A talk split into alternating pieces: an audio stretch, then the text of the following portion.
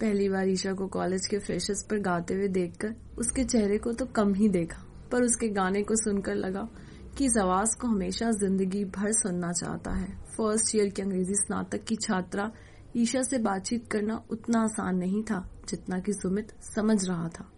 वह उसे देखती भी नहीं थी। वह सिर्फ़ अपने क्लास के लड़कों से ही बात करती थी। कॉलेज के बाद सीधे घर चली जाती और कॉलेज कैंटीन में भी कम नज़र आती थी। एक दिन ईशा की स्कूटी खराब हो गई और सुमित अपनी बाइक लेकर पहुँच गया। बहुत कहने के बाद ईशा ने लिफ्ट ली और उसके बाद दोनों में बातचीत शुरू हो गई। वह हमेशा ईशा के आसपास रहने का ही बहाना ढूंढता रहता। सीनियर होने की वजह से नोट्स ने भी इस इश्क का बहुत साथ दिया। यह राबता दोस्ती तक पहुँच ही गया। फिर सुमित के कॉलेज का आखिरी साल था और उसने सोचा कि अब अगर अपने दिल की बात ईशा को ना बोली तो शायद कभी ना बोल पाए। एक दिन तेज बारिश हो रही थी। ईशा से सुमित बोला, कुछ बात करनी है? क्या बात करनी है? चलो बस स्टैंड पर ही बात करते हैं। वैसे भी आज मुझे वहीं से जाना है, ईशा ने कहा।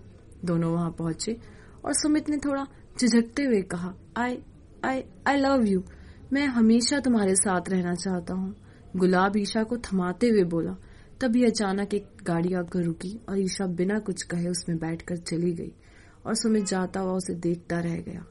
बड़ी देर तक तनहा बारिश में उदास खड़ा रहा। दो दिन तक ईशा का कुछ पता नहीं था।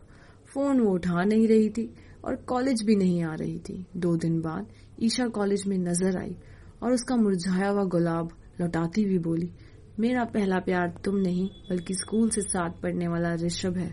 उस दिन वही मुझे लेने आया था। ये कहकर सुमित को देखे बिना ईशा वहाँ से चली गई और वह मुरझाए हुए गुलाब में एक मुरझाई हुई उम्मीद देख रहा था। आज तीन साल बाद ईशा को वहीं बस स्टॉप पर देखा। वैसी तेज बारिश और गाड़ी में बैठा सुमित।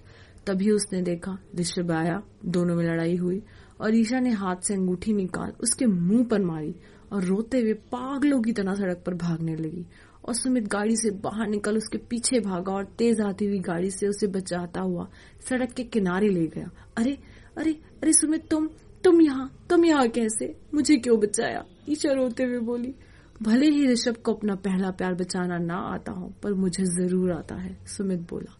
तभी कोई और गाड़ी तेज़ी से आई और ईशा डर कर सुमित के गले लग गई और सुमित सोचने लगा कि काश ये बादल यूँ ही बरसते रहे और ईशा कभी भी किसी के पास ना जाए।